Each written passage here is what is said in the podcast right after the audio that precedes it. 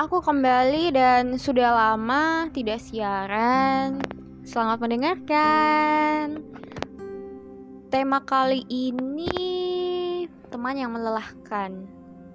Kalian punya gak sih teman yang melelahkan? Oke, langsung ya. Aku mau cerita sih ke kalian. Ada seseorang yang mengeluh dan sedih karena banyak orang yang tak menyukainya Mendengar dari sebelah pihak memang terkadang mengecoh kita untuk percaya padanya secara sepihak. Namun, setelah melihat etikanya, baru menemukan jawaban. Pantas saja banyak yang tak menyukainya.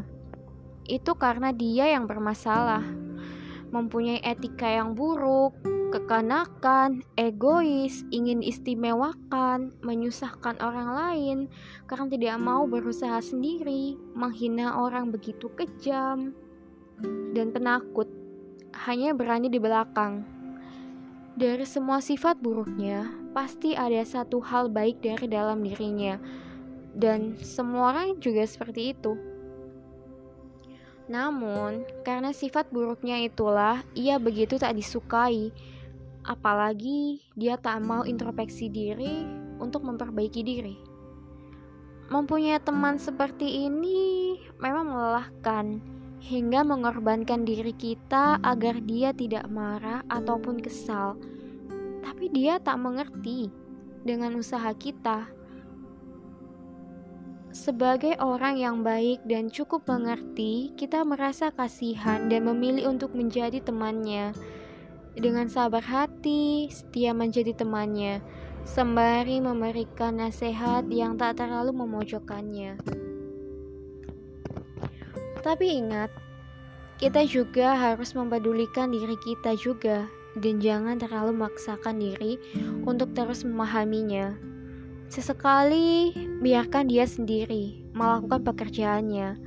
Tolak halus ketika dia meminta bantuan agar dia mau belajar mandiri, karena tak selamanya kita ada untuknya. Kita juga punya kehidupan sendiri, bukan seputar memahami dan berada di sisinya. Semoga dia sadar dan berubah menjadi baik, agar dia tak mendapat citra buruk di mata orang lain serta kita tak merasakan lelah lagi ketika berteman dengannya. Meskipun perubahan pada seseorang itu tak mudah, serta tak ada yang bisa merubah karakter seseorang. Setidaknya, kita telah berusaha membantunya. Tetap ingat, prioritaskan diri kita, dan kita bisa pergi jika dirasa sudah menghancurkan kesehatan mental kita dan hidup kita, karena kita yang utama. Uh, Oke, okay, sekian untuk podcast kali ini. Pendek banget ya. Eh, nggak uh, usah panjang-panjang juga sih ntar kalian malah bosen banget kalau terlalu panjang dikit-dikit aja biar kalian rasanya tuh kayak kangen gitu sama aku biar banget oke okay, sampai jumpa di next episode Selamat beraktivitas para pendengar baik. Aku sayang kalian. Dadah.